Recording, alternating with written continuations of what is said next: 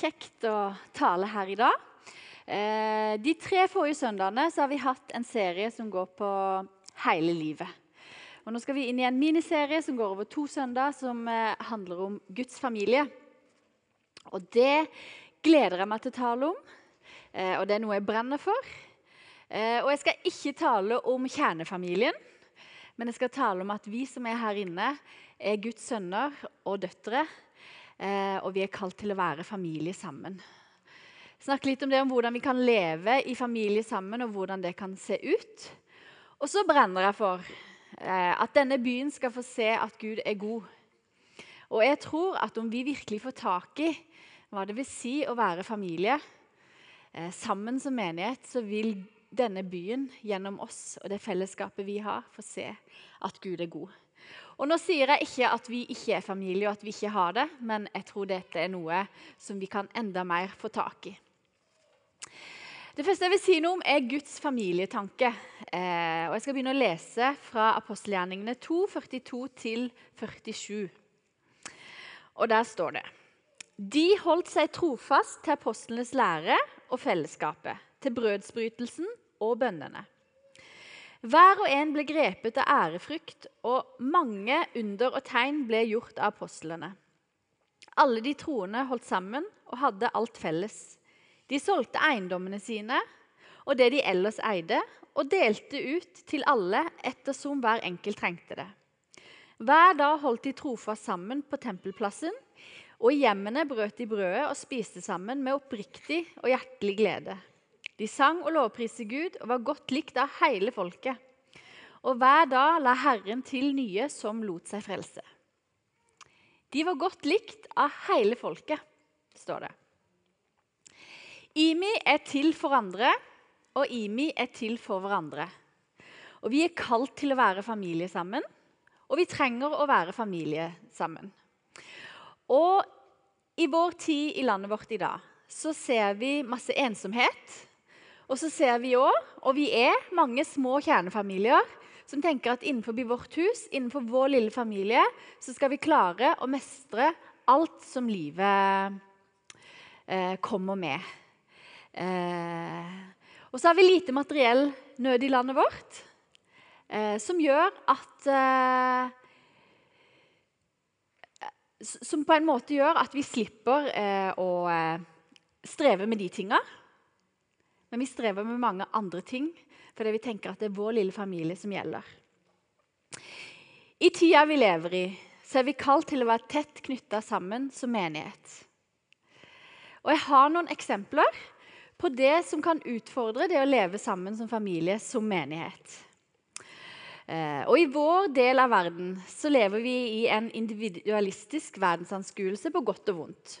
Og noen ganger så kan den gå på bekostning av det kollektive, på fellesskapet. Og kanskje er til og med individualismens idealer med på å skape grobunn for sosial angst eh, og for berøringsangst i samfunnet. Mange bærer på en frykt for å komme nær hverandre. Mange bærer på en frykt for det å gjøre seg avhengig av hverandre. Og så er det tryggere å holde folk litt sånn på en armlengdes avstand Eh, der en heller kommuniserer via Facebook og via sosiale eh, medier. Eller parentes usosiale medier. Kanskje kommer òg denne frykta eh, til uttrykk i kulturen vår, som er prega av ganske overdreven eh, ironi. Og en eh, seksualisering som egentlig bunner i sår og frykt for ekte nærhet. Det andre jeg tenker litt på, er at eh, jeg syns at den tida vi lever i, er prega av en selvrealisering. I et samfunn der de grunnleggende fysiske behov er dekka, behovet for sikkerhet er dekka, og vi har ganske sosiale eh, rammer som er godt dekka. Så har vi pga. det samfunnet overskudd til å realisere oss sjøl. Og i selvrealiseringskappløpet så kan vi komme til å skade å bruke andre mennesker fordi at vi vil oppnå våre egne mål. Der konsum gjør at vi bruker relasjonene våre og nettverkene våre som instrumenter for våre egne prosjekter. Noen ting som kan være med og hindre oss å leve i det fellesskapet Gud hadde tenkt. Jeg leste en kapellan som hadde skrevet om Kirkens SOS. Jeg skal lese det han skrev, for jeg syns det var så bra.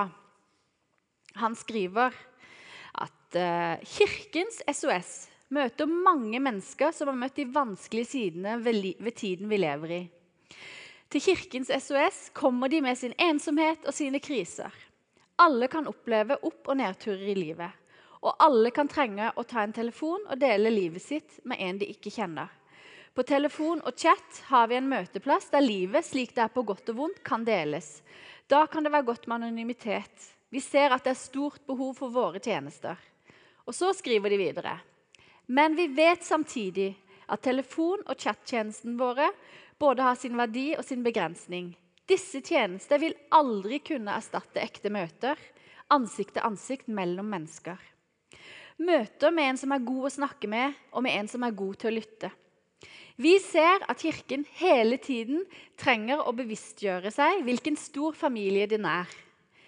Den familien vi ser forbilder på mellom Jesus og disiplene, den som er der for hverandre. Kirkens SOS sier at vi som kirke trenger å være bevisste på at vi er en familie som Jesus lærte oss hvordan vi skulle leve da han gikk her på jorda. Kirkens SOS sier vi trenger en kirke som er familie, som er der for hverandre. Er ikke det bra? Vi trenger familie, og vi trenger kirke, og vi trenger å være familie sammen. Jeg har lyst til å si litt om hvorfor familie. Guds, familie, Guds, tanke er at vi er skapt til å være familie, at vi skal leve i det sammen. Og så har jeg lyst til å si at eh, jeg klarer ikke livet alene. Eh, og jeg vet ikke åssen det er med dere, men jeg klarer ikke det. Og jeg har heller ingen intensjon om å klare livet alene. Eh, jeg trenger dette fellesskapet her. Jeg trenger dere, jeg trenger menigheten. Og Det er så mange ganger jeg har vært takknemlig for denne menigheten. Jeg har f.eks. to barn. Og de kommer til verden. Jeg har ikke vært foreldre før. Jeg har ikke peiling.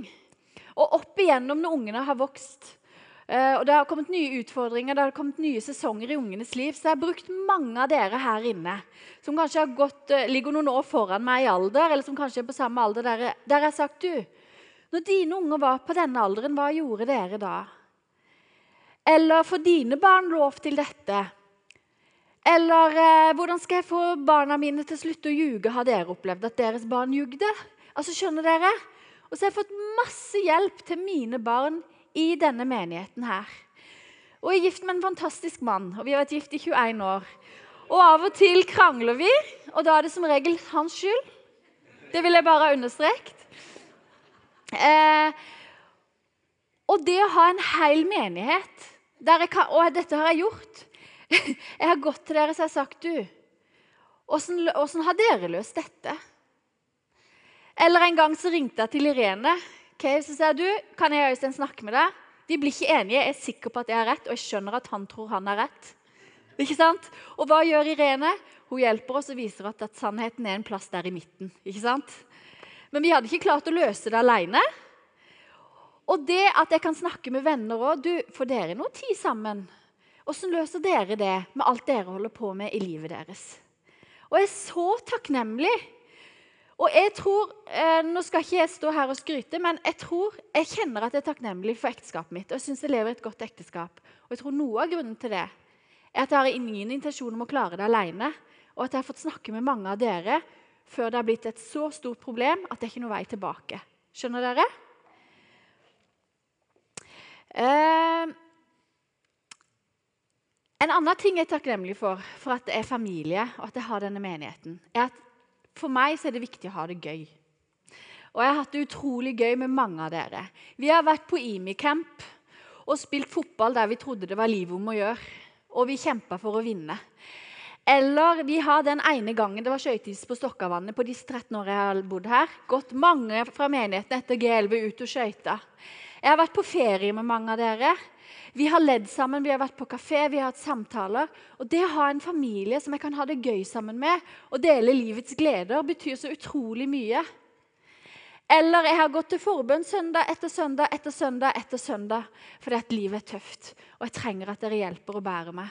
Og så har jeg kunnet gå og begynne uka mi med at jeg ble bedt for søndag etter søndag etter søndag. Så jeg er utrolig takknemlig for denne familien her, og jeg hadde ikke klart det alene. Og dette blir jo litt et vitnesbyrd om hva menigheten betyr for meg. Og så har jeg lyst til å si noe om at jeg tror det kan bli ganske snevert hvis vi lever livet våre der vi tenker at det er meg og min lille kjernefamilie som skal klare dette.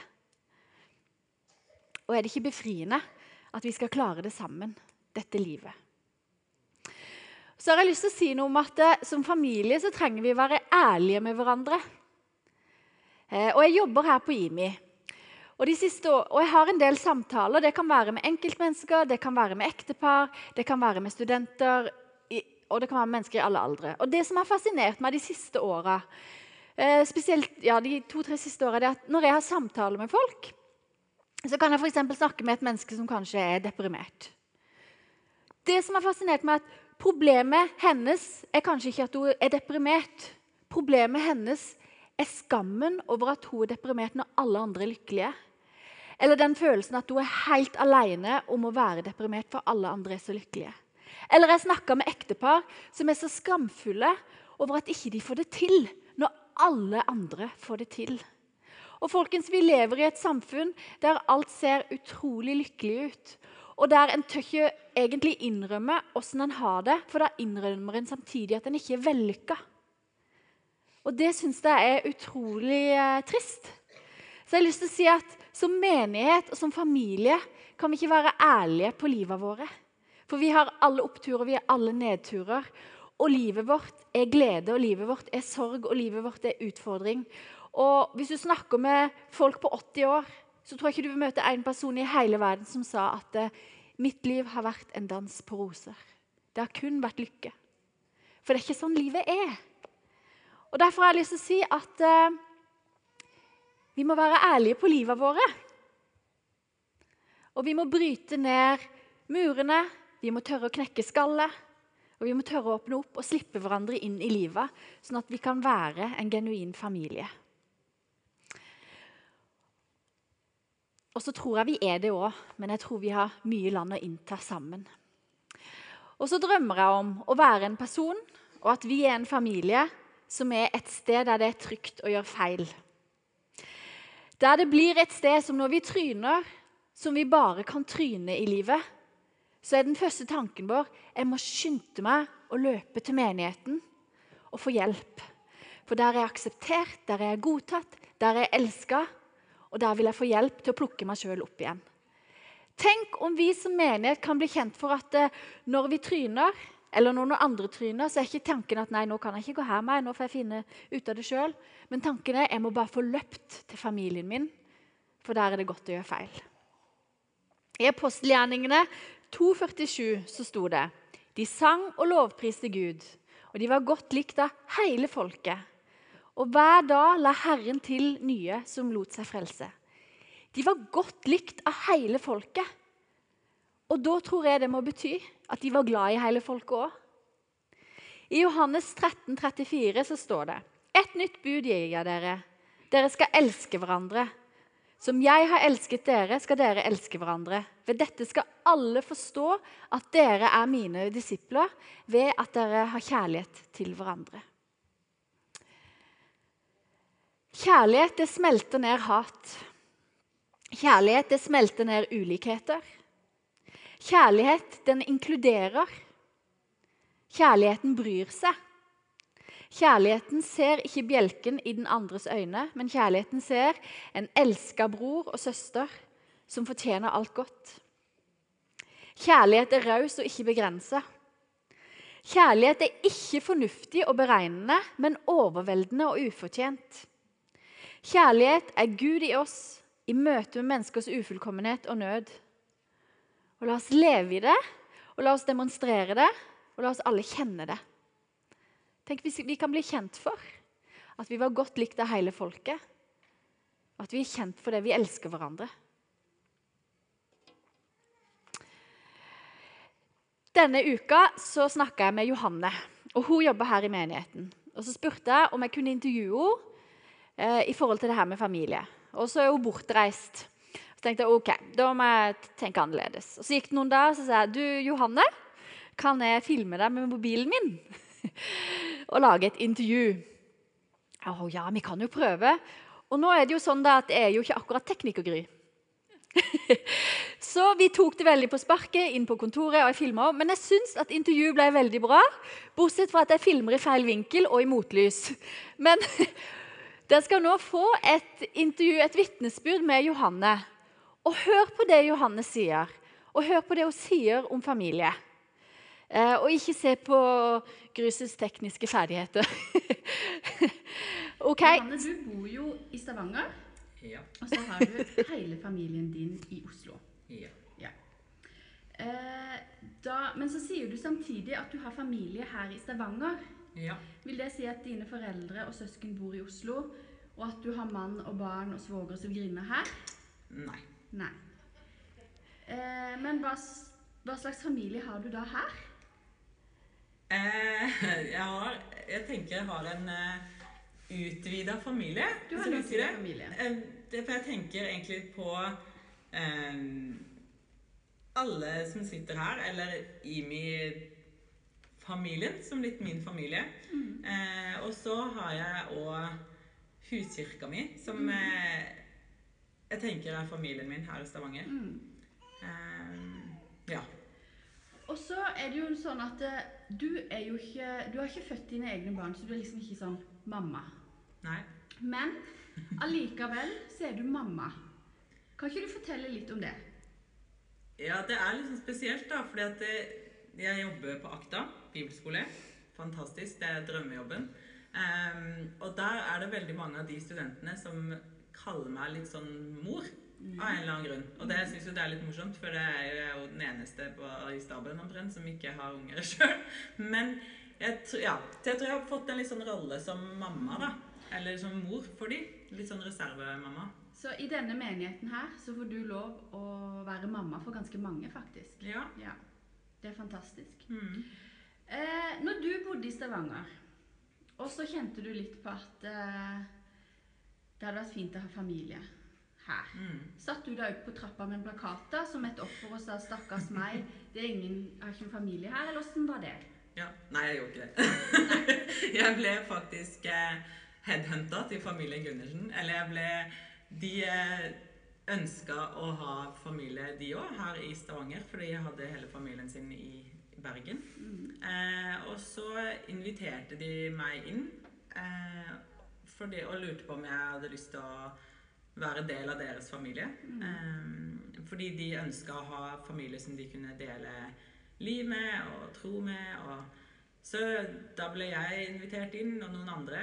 Og så ble det etter hvert huskirka vår. Så vi møtes nå hver uke. Og inviterte inn òg andre som trengte familie her i Stavanger. Ja. Og som, um, ja, som, som trengte noen å ha familie med. Ja. Mm. Så det som på en måte nå har skjedd, det er at uh, du ble headhunta til å være del i en familie. ja.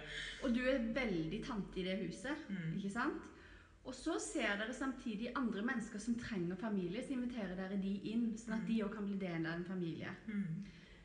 Så selv om du bor i Stavanger, du har din, din, altså din kjødelige familie i Oslo, mm. så har du stor familie her i byen gjennom Akta, gjennom menigheten og gjennom din huskirke og familiefellesskap. Mm. Så du er enslig, men du er ikke ensom? Det er veldig sant. Og jeg føler kanskje at jeg har nesten mer med Altså jeg føler mer som familie, nesten, den familien jeg har her, enn familien min i Oslo på mange ja. måter. Fordi jeg deler mye mer liv med ja. de som er her. Ja. Mm. Tusen takk, eh, Johanne, for at du deler med oss. Bare hyggelig. Ikke det er fantastisk? Vi må klappe for Johanne selv om hun ikke er her. Eh, jeg syns Johanne er et stort forbilde for meg. For det at uh, hun er familie, samtidig som hun får være del av en familie. Og Det syns jeg den dynamikken gjør at det blir bra. Hun trengte en familie i byen. Eh, og så er hun familie for så mange i denne menigheten. Hun er mor for så mange i denne menigheten som trenger en mor. Og så får hun lov for oss å demonstrere hvordan en kan leve i familie i ulike livssituasjoner. Så har jeg lyst til å spørre du litt sånn konkret. Hvem Hvem trives du sammen med? Hvem liker du å være sammen med? Inviter de inn i livet ditt om du ikke har gjort det. Og, og gjør som, som eh, Johanne gjorde. Så har jeg lyst til å si det at, eh, og det ser vi også under intervjuet med Johanne, at eh, når vi snakker om det å være familie, å være Guds familie, så snakker vi aldri om å karre til oss, om å være offer, og at ingen ser meg, ingen vil være med meg, og stakkars meg. Men i Guds rike så er det gi, så skal du få prinsippet som gjelder. Så her blir det litt sånn, da. Eh, hvem trenger at du bryr deg om dem? Hvem trenger å sitte ved ditt middagsbord? Hvem trenger at du sier hei til dem og sitter ved dem når du kommer på IMI? Hvem vil du bygge med familie med, og hvem vil du inkludere? Og Tenk om vi alle, meg sjøl inkludert her inne, kunne ha litt den holdninga. Hvem er det som trenger at jeg er familie for dem? Og vet du hva? Ja, Vi har alle tøffe perioder i livet. Vi har alle perioder i livet der vi trenger å bli båret, vi trenger å bli sett, og vi trenger å bli tatt hånd om. Men samtidig så er Guds rike-prinsippet gi, gi, gi, gi. Så hvem trenger at du ser de? Jeg skal si noe om huskirka mi. Eh, og så vil jeg samtidig si at Denne talen handler ikke om huskirka. og Det er ikke en snikreklame for huskirka. Men i denne menigheten så har vi huskirka fordi vi tror det er en utrolig bra måte å være familie på. Eh, jeg starta huskirke for en stund siden, og da hadde jeg noen tanker i huet. Jeg ville starte med noen, som, eh, med noen gode venner. Jeg hadde lyst til å ha noen inn rundt bordet mitt som trengte, å være, trengte familie. Jeg hadde lyst til å ha med meg noen som eh, jeg kunne sende videre til å plante nye huskirker etter å ha vært der en stund. I huskirka vår så deler vi liv, vi deler tro, vi ber for hverandre, vi deler oppturer, vi deler nedturer. Vi har alltid mat.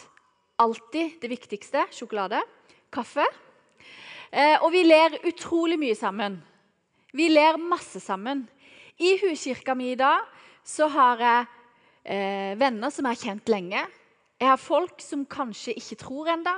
Jeg har folk som akkurat har begynt å tro. Vi har et uh, nygift ektepar som er veldig unge. Vi har noen av oss som har vært gift noen år.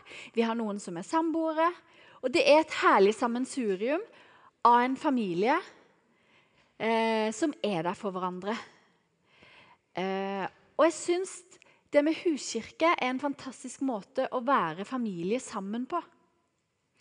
Så har jeg lyst til å si at Om du ikke deler en huskirke, så kan du tenke hvem har jeg lyst til å starte opp huskirke med? Hvem har jeg lyst til å gjøre det sammen med å være med?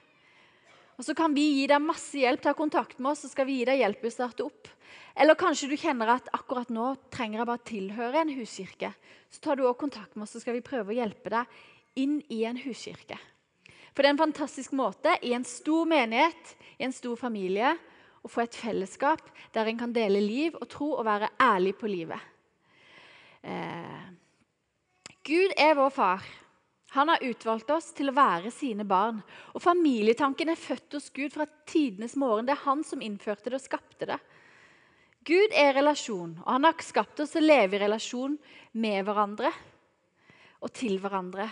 Og så har jeg lyst til å ta en sånn, Det er egentlig ikke en parentes, men jeg sier det er en parentes. at det, Av og til så kan folk si ja, men Gry, det er jo så vanskelig med relasjon. Eller det er lett for du å si ja, jeg fikser ikke det her med folk, eller jeg fikser ikke det her med kommunikasjon eller relasjon.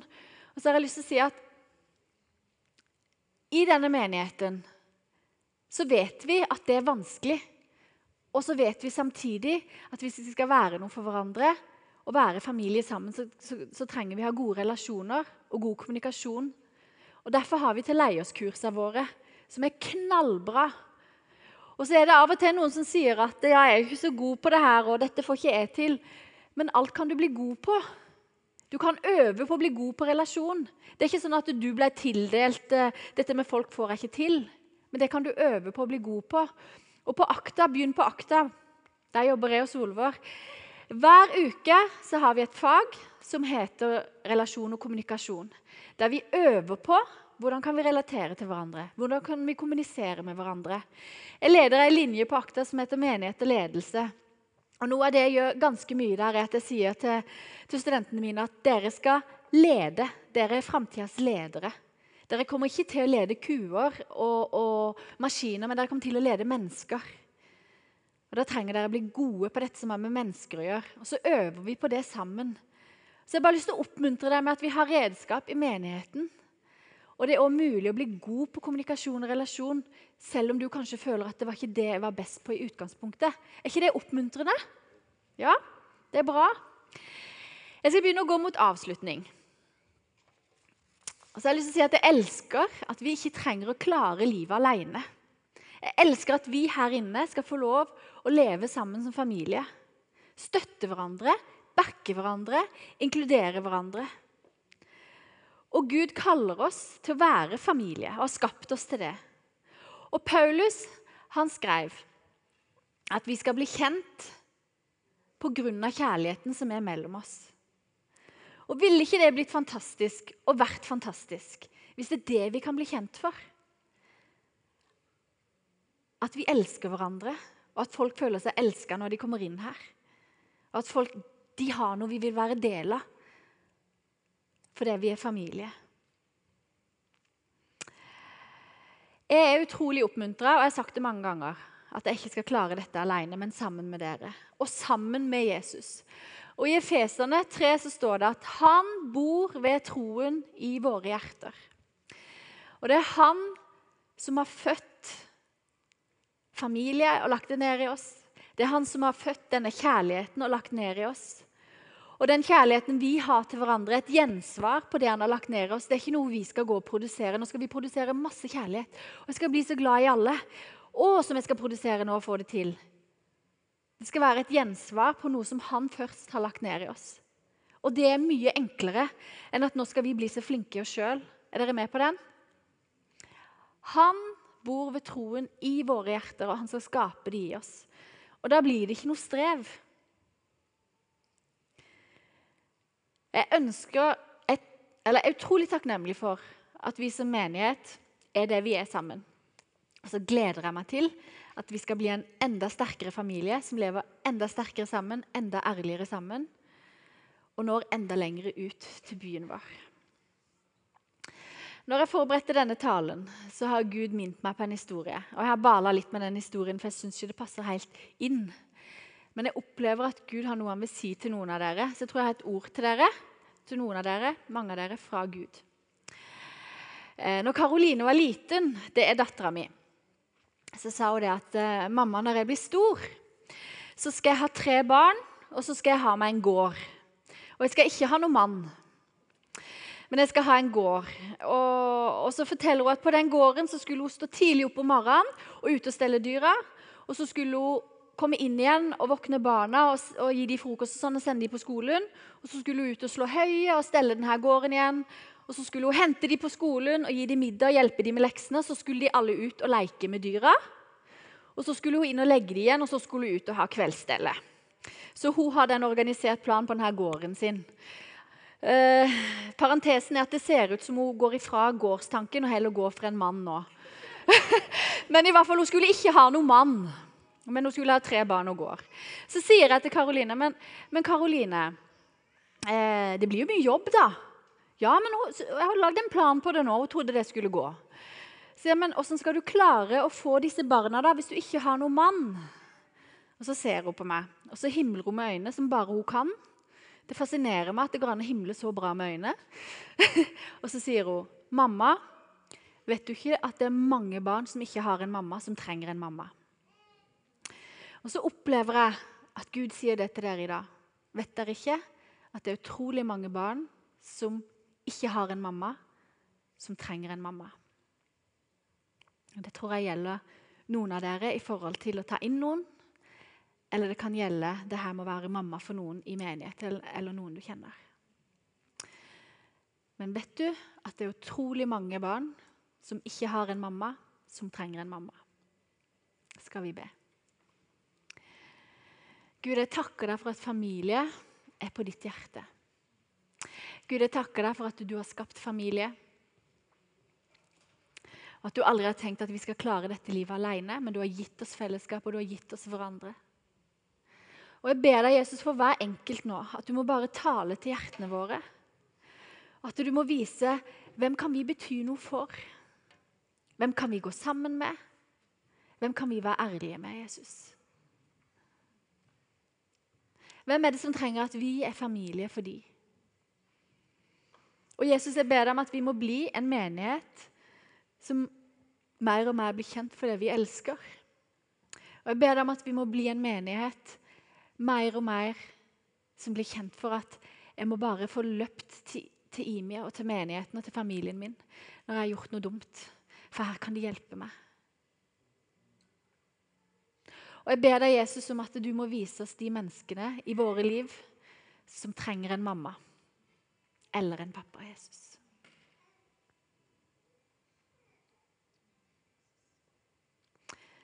Takk, Jesus, for at uh, det vi skal lov, få lov å være for hverandre, å være sammen Et gjensvar på noe du har lagt ned i hjertene våre ved troa på deg, Jesus. At det er noe du har født fram i oss som et gjensvar fra deg, Jesus. Amen.